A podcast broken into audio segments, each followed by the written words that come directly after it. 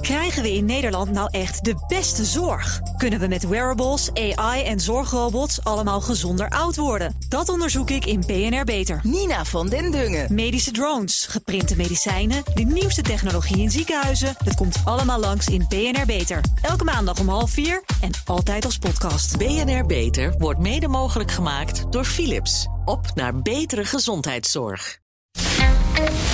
Blijf scherp. BNR Nieuwsradio. Boekenstein en de Wijk. Hugo Reitsma. Welkom bij Boekenstein en de Wijk. Het is vrijdag, dag 387 van de oorlog in Oekraïne.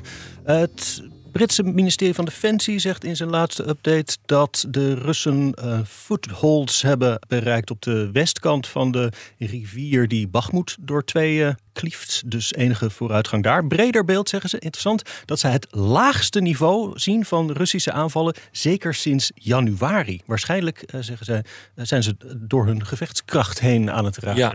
Ja, dus ze gingen van pakweg 9 tot, tot 100 aanvallen per dag naar tussen de 20 en 30. Dus dat is inderdaad een enorme teruggang. Ik schrik wel van uh, het feit dat ze dus de rivier over zijn. Er waren al berichten dat ze inderdaad vorderingen maakten in de richting van het centrum van, uh, van Bakmoed. Maar dat wil nog niet zeggen op dit ogenblik dat ze ook in staat zijn om uh, Bakmoed te omsingelen. Hm. Ja, we moeten even kijken hoe zich dit de komende dagen gaat, gaat ontwikkelen. Maar het is absoluut een feit dat ook de Russen op dit ogenblik in die situatie zitten dat ze uh, problemen hebben met munitie, problemen uh, hebben met uh, de voorziening van wapens. Prigozhin die heeft er al op gezinspeeld dat Poetin eigenlijk gaat proberen om überhaupt qua munitie en materieel uit te hongeren, om het maar zo te zeggen, zodat hij daar, gewoon, dat hij daar geen last meer van, van heeft. Maar wat, wat ik het meest interessante vind, ik weet niet jongens wat jullie ervan vinden, maar is dat er dus dat beide partijen nu met hetzelfde probleem zitten. Ja onvoldoende uh, munitie, onvoldoende wapens. Uh, ze schroeven inderdaad hun aanvallen enorm uh, terug. En nu is de grote vraag van ja, wie is nou als eerste in staat om die leveranties omhoog te krijgen. Hm. De Amerikanen hebben ook al gezegd van jongens, Oekraïne, als je dit zo gaat doen, dan heb je gewoon niks meer over voor de eenmalige kans die je mogelijkerwijs hebt om een, om een grootschalig offensief de komende maanden in te zetten. Ja, het is eigenlijk ongelooflijk. Hè? De, grote, grote vraag is nu van wie is voor het eerst, wie is, is het als eerste gewoon blut? Ja. En dat heeft grote militaire gevolgen. En ik lees ook bij de Institute for Study of War dat uh, Poetin is natuurlijk vreselijk bezig met die oorlogseconomie. Hè? Probeert heel veel skilled workers aan te trekken in al die fabrieken die de munitie moeten maken en, en de raketten en zo. En dan zegt de, de ISW van ja, dat betekent dat hij prioriteert nu skilled workers in de fabrieken en minder voor de strijd. Dus dat heeft ook weer een negatief effect. Hm. Maar even terug naar die eerste vraag, Rob. Dus moet je voorstellen, als dus even een scenariootje. Stel je voor dat, ik geloof dat Oekraïne nog steeds heel veel afschiet hoor. Maar die gaan, zetten er bijna doorheen. Hè? Stel je voor dat de, dat de Oekraïners als eerste zonder minuut zitten. Dan, dan, dan stort het gewoon in. Toch? Ja, nou ja, ik, ik ben ontzettend voorzichtig om, om te voorspellen hoe dit gaat, uh, gaat verlopen. Je ziet je ziet dat beide partijen met hetzelfde problemen gaan, gaan, uh, gaan, gaan zitten. Maar stel je voor uh, dat ze zo door blijven gaan rond Bakmoed. En je komt inderdaad, nou zonder te zitten kom je niet helemaal. Maar je bent niet meer in staat om met die tempo door te gaan. Ja, dan moet ik nog zien uh, wat, wat Rusland kan gaan doen in de Donbass. Ik, ik vind het ontzettend onvoorspelbaar. De, ik, ik, hoor ook analisten die zeggen: well, dat is allemaal geen enkel probleem. Want die Oekraïners die hebben rond uh, rond Sloviansk hebben ze de boel al uh, goed uh, op orde. En daar kom je dan vervolgens niet doorheen. Ze hebben nieuwe defensielinies. Maar dit, dit is wel een serieus probleem ja. dat speelt. Waardoor het echt gewoon buitengewoon lastig wordt om op dit ogenblik een goede duiding te geven van wat zal, wat zal daar gaan gebeuren. Ik vond het ook interessant dat wij waren erg onder indruk van dat Washington Post artikel van een paar dagen geleden. Dat heel negatief was over de Oekraïnse positie. Hm. Dat werd vanmorgen gevraagd aan Rob Bauer ook. En die ging dan weer de andere kant op zijn. Ja, maar het moraal is toch wel veel hoger. Ja, maar, dat, ja, zei... maar dat, ook dat is dus aan het afnemen. Hè? Daar ja, zeker. Het, uh, volgens mij hebben we het eerder gisteren daarover gehad. Ja. Ja, jongens die, eh, die zeggen van ja, ik ga niet naar Bakmoed, want dan kom ik in ieder geval nooit meer terug. In de Oekraïnse pers lees je wel veel negatievere verhalen dan, uh, dan die vaak bijvoorbeeld uit, uit nou ja, het, ja. Mijn probleem is vaak dat wij in het Westen bezig zijn met pep talks. En daar zit weinig, uh, weinig strategie achter. Er zit weinig realisme zit daar vaak achter. Maar we zijn bezig met pep talks. Hm. En wij proberen toch daar een beetje doorheen te kijken. En 120.000 Oekraïnse doden las ik nu. 200.000 aan de Russische kant. Dat is wel veel hoor. Natuurlijk. En we mogen ook niet vergeten dat er gewoon 100 miljoen Russen meer zijn dan dat er Oekraïners zijn. Ja. Ja, ja. Van het front misschien eventjes helemaal naar de grote politiek. Want aanstaande maandag, zo is nu bevestigd door eh, zowel de Russen als de Chinezen, gaat eh, president Xi op staatsbezoek in Moskou. het is weer allemaal heel. Ook hier is het ontzettend moeilijk om het te duiden. Hè? We lezen berichten dat sommige Chinese bedrijven leveren uh, drones, commerciële drones, aan, aan, Rusland. China ontkent dat zelf. Nou, wat hebben de Amerikanen gedaan? Ze zeggen van nou, is prima als uh, daar gaat. Dat is goed om over vrede te praten met de Russen. En hij moet vooral ook met Zelensky gaan praten.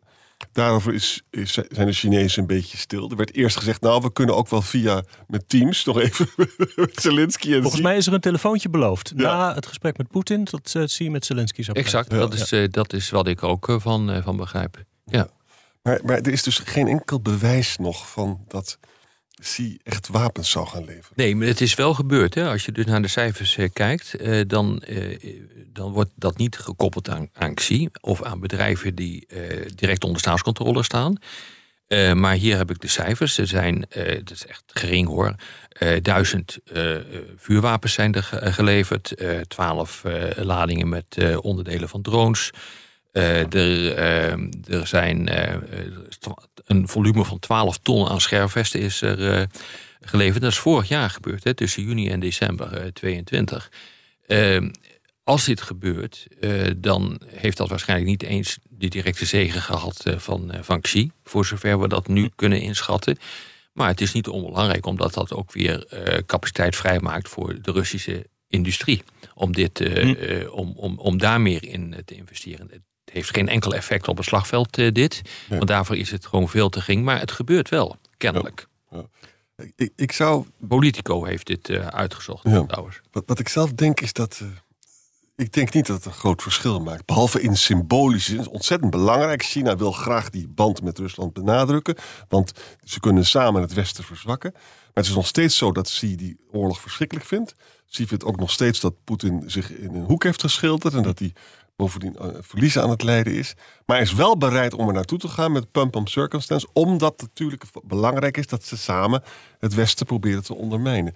Maar of het nou de facto iets voor de oorlogvoering betekent, ik denk het niet. Op, dit, op korte termijn niet. Als je, dus, uh, het, de Chinezen hebben geen inzicht gegeven in wat daar besproken wordt. Het Kremlin heeft dat min of meer wel gedaan. En het gaat dan om strategische vraagstukken. Nou, dat kan dus van alles zijn. En het gaan, gaat om de verdieping van de samenwerking.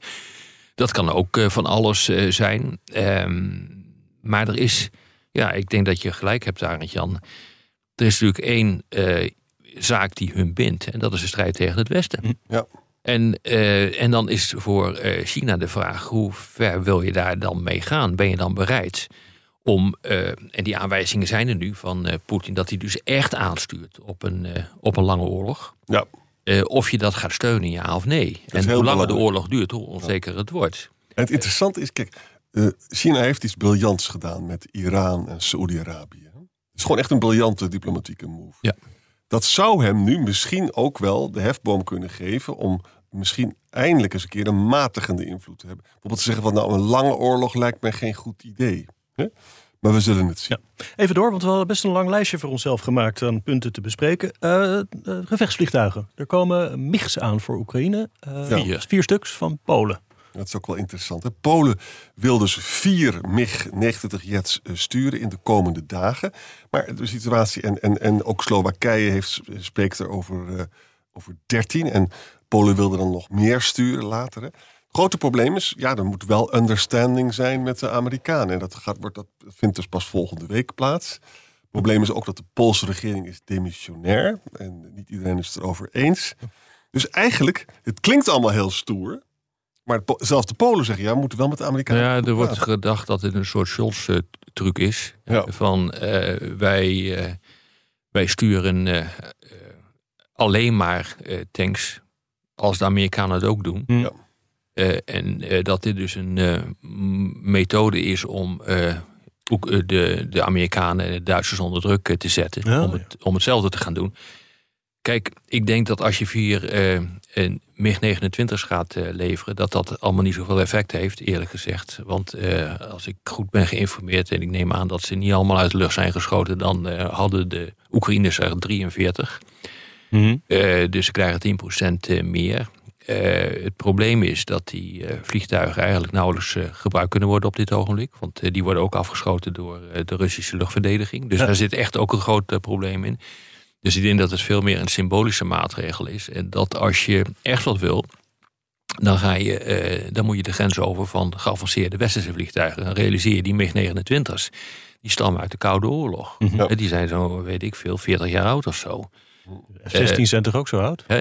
F-16 zijn toch ook Ja, zeker. 60? Maar die zijn natuurlijk ook, net zoals die MiG-29's, wel continu geüpdate. Want die MiG-29's worden ook nog gebruikt hè, door eh, de Polen voor eh, gevechtsoperaties. Het is een, eh, het is een swingrolvliegtuig, dus ze zijn eh, van alle markten thuis. Eh, eh, maar ja, ik denk dat hier de impact niet zo geweldig groot van, eh, van is. Eh, het is ook psychologisch en politiek veel eh, belangrijker als eh, Oekraïne westerse vliegtuigen gaat eh, krijgen.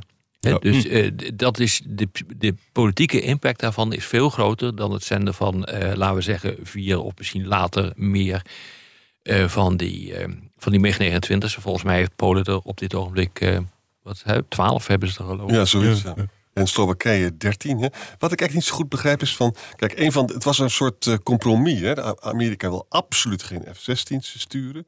Wat ze natuurlijk wel zouden kunnen doen... Dat dan Slowakije en Polen zijn soeverein hier. Die Ja, doe je sturen best dan maar. Ja. En dan willen, zijn ze wel bereid om F-16's te leveren...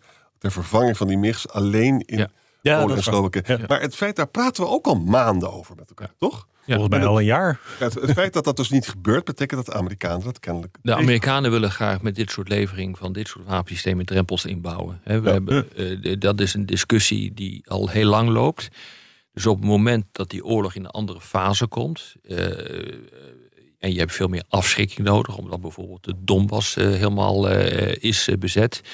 Ja, dan zou je dus de Oekraïners in staat moeten stellen om, om nog meer te kunnen doen. En dan zou dat dan zou dat dus als een mogelijkheid kunnen worden gezien. Die discussie loopt wel achter de schermen, begrijp ik. Zeg, we hadden vorige keer allemaal Amerikaanse onderwerpen doorgeschoven. AUKUS. Oh, de Defense Review, Brits. Ja. Nou, niet onbelangrijk hoor. eh, Kijk, die, die, de, ja. de Integrated Defense Review. Hè, dat is een soort defensienota op zijn Engels. Dat is een belangrijk document. Geeft aan wat eh, de, de Britten willen op, eh, eh, op defensiegebied. Eh, de vorige stamt uit 21, dus die is eh, relatief nieuw. En daarin is hij zwaai gemaakt na de brexit in de richting van eh, de Indische Oceaan. Ja. De Indo-Pacific, zoals dat in het eh, jargon eh, heet. En men wil daar optrekken met de Amerikanen om een, om, om een macht te doen laten gelden in, in de Indo-Pacific. Ze vinden dat dat ook onderstreept dat ze een groot land zijn. Maar de, de oorlog in Oekraïne die dwingt ze nu tot een herformulering. En dat wil zeggen dat het geen herformulering is. Eh, dat ze minder in Indo-Pacific gaat doen. Maar ze gaan nu gewoon wel eh, veel meer een commitment uitspreken. En dat hebben ze ook gedaan in dit stuk. In de richting van Europa ten aanzien van, eh, van Oekraïne. En dat betekent dus gewoon verhoging van het defensiebudget. 5 miljard. Nou ja, 5 miljard, dat gaat om 2,5 procent Ja. van het BBP. Daar willen ze heen, hè? Ja. Daar gaan, ze, daar gaan ze nu naartoe. En dat moet ook wel. Je ziet dus dat hun defensieverplichtingen enorm, enorm aan het eh, toenemen zijn. En dat komt onder andere door de oorlog in, eh, in Oekraïne. Dus ze willen nu op twee borden tegelijkertijd schaken. Ja, en de grote vraag is, vind ik eerlijk gezegd hoor, en dat hoor ik ook van mijn Britse vrienden. eh, Gaat je dit lukken? Ben je eigenlijk in staat om als relatief klein land, want dat is het Verenigd Koninkrijk, hoewel ze natuurlijk altijd nog in een glorieus verleden leven, Mhm. Ehm, ben je in staat om als relatief klein land op, op twee borden tegelijkertijd te, te schaken? Ze willen drie dingen doen. Hè? Meer munitie. Het moderniseren van hun hele nucleaire materieel. Dat is Ja. ongelooflijk kostbaar. En het financieren van het next phase of AUKUS. Ehm, dan praten we dus bijvoorbeeld over die, die kernreactor die naar Australië... Uh, kern, uh, onderzee die Onderzeeër. naar Australië gaat. Hè? waarom krijgt die kernonderzeeër geen kernwapens eigenlijk? Omdat Australië dat niet wil, hè? Nee, dat willen ze niet. Dat hebben ze niet, willen ze ook niet, hebben ze gezegd. Nee, Ja. maar dat is ook proliferatie. Ja. Eh, Dus je, als je dat gaat doen, dan, geef je, dan handel je echt in strijd met het proliferatieakkoord volgens mij. Eh, Die discussie over dat non-proliferatieakkoord, dat het dus eh toe moet leiden dat er geen eh, bijvoorbeeld splijtstoffen van een, eh, niet-kernwapenmogelijkheid naar een eh, kernwapen, eh, een, eh, van een kernwapenmogelijkheid naar een niet-kernwapenmogelijkheid eh, gaan. Die discussie loopt nu ook. En eh, dat gebeurt nu wel. Dus er, eh, er wordt nu door de Amerikanen gezegd van oké, we gaan wel eh splijtstoffen eh, leveren voor de kernreactor die aan boord zit van, eh, eh, van, dat, eh, eh, van die toekomstige onderzeeboot. Ja. En eh, daarvan hebben de, de Chinezen gezegd, ja, zie je nu wel, eh, die Amerikanen zijn bezig om alle wapenbeheersingsverdragen eh, op de schoothoop eh, Hmm. te gooien. Maar er zit een loophole in dat, in dat non-proliferatieakkoord waarin dit wel kan. Ja. Eh, maar goed, ik bedoel, er wordt natuurlijk politiek uitgebuit door landen als Rusland en China om eh, de slechtheid van Ja. Amerika aan te tonen. Maar ze gaan dus met dat AUKUS, met Australië, VK en de VS, gaan ze een hele nieuwe onderzeeboot eh, Ja, ja. maken. Ja. Dat was- Kijk, het, het, het oorspronkelijke plan was, eh, de oorspronkelijke deal was dat eh, Australië met de Franse onderzeeboten zou eh, gaan bouwen. Althans, eh, die zouden worden gekocht in eh, Frankrijk. Diesel. Eh, en ja, en die, eh, daarvan is nu gezegd, eh, oké, gaan we niet doen. Dat heeft een enorm probleem opgeleverd met Frankrijk in de richting van Australië, maar ook in de richting van, van Amerika en richting mindere mate in de richting van Engeland. En we gaan dus inderdaad nu naar nucleaire onderzeeboten. En dat heeft alles gewoon te maken met de aard van de dreiging in die Indo-Pacific, waar we het net over hebben gehad. eh, waarbij ze zeggen van ja, wij moeten gewoon een kwalitatief veel beter wapensysteem hebben. Eh, om de Chinezen te kunnen afschrikken. Ja. Daarvoor hebben we die kernonderzeeërs nodig. Overigens hebben de Chinezen zelf prolifereren enorm. Hè? Ik bedoel, die hebben veel meer kernwapens nu. En daar moet natuurlijk wel afschrikking bij blijven. Hm. En dat gebeurt dus nu door Amerika, Ja.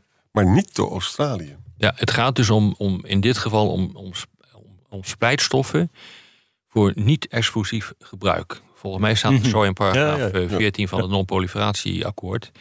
Ehm, en dat is het. Hè, dit is, het gaat niet voor wapentoepassing, maar het gaat voor de toepassing in een reactor. Ik las ergens in dit verband ook staan dat eh, parallel nog de, de, de banden met de, dit andere bondgenootschap, de Quad, eh, worden, verder worden aangehaald. Dat was, wie zat het er ook weer in? De kot is Japan, Australië, India en de Verenigde Staten zelf. En eh, op dit ogenblik wordt er natuurlijk ook heel erg na wo- gedacht wat je dan moet eh, doen met, eh, met Korea, met Zuid-Korea. want die zou er eigenlijk bij moeten worden eh, betrokken. Maar je ziet dus heel gewoon echt dat er een soort containmentstrategie aan het ontstaan is onder leiding van Amerika en de Indo-Pacific. Dat is helder. China heeft dus zes operationele eh Yin-class ballistic missile submarines. Hè? En die Hm. kunnen dus ook S- SLBM's. Dus ze zijn ontzettend bezig. En de enige die nu afschrikt is Amerika. En die, en die kernonderzeeër van Australië is leuk. Daar kun je ongelooflijk lang onder en daar kun je allemaal dingen mee doen. Maar er zitten geen kernwapens op. Hey, eh, wat we misschien ook nog moeten noemen, bedenk ik me nu, dat natuurlijk wel belangrijk dat het Kremlin deze week het grootste deel van zijn zetels is kwijtgeraakt in de provinciale staten. Ik zag ook de Russische ambassadeur in Den Haag heel droevig rondlopen. en, en, en mompelde aan Thierry Baudet af en toe. En af en toe hoor je een vloek en zo. Ja. Ja, die is echt weggevraagd. Die is echt weggevaagd. Ik hoop dat eh, BBB eh, ook geopolitiek gaat informeren. Ja, die zijn, die zijn, die zijn eh, voor steun aan Oekraïne. Ja, Dus, gezien, ja. Dus hier zijn we weer even gered. Maar ze hebben alweer een motie gesteund dat eh, Nederlandse soldaten absoluut niet mogen gaan vechten in Oekraïne. Weet je, zo'n gekke motie. Oh, zo'n Baudet-motie. En dat Ja. steun is Nederlandse dienstplichtigen die niet bestaan, niet mogen worden Ja. ingezet in Oekraïne. Ja. Ja, ja, Nou. ja. Dank jullie wel weer. Tot de volgende keer. Krijgen we in Nederland nou echt de beste zorg? Kunnen we met wearables, AI en zorgrobots allemaal gezonder oud worden? Dat onderzoek ik in BNR Beter. Nina van den Dungen. Medische drones, geprinte medicijnen, de nieuwste technologie in ziekenhuizen. Dat komt allemaal langs in BNR Beter. Elke maandag om half vier en altijd als podcast. BNR Beter wordt mede mogelijk gemaakt door Philips. Op naar betere gezondheidszorg.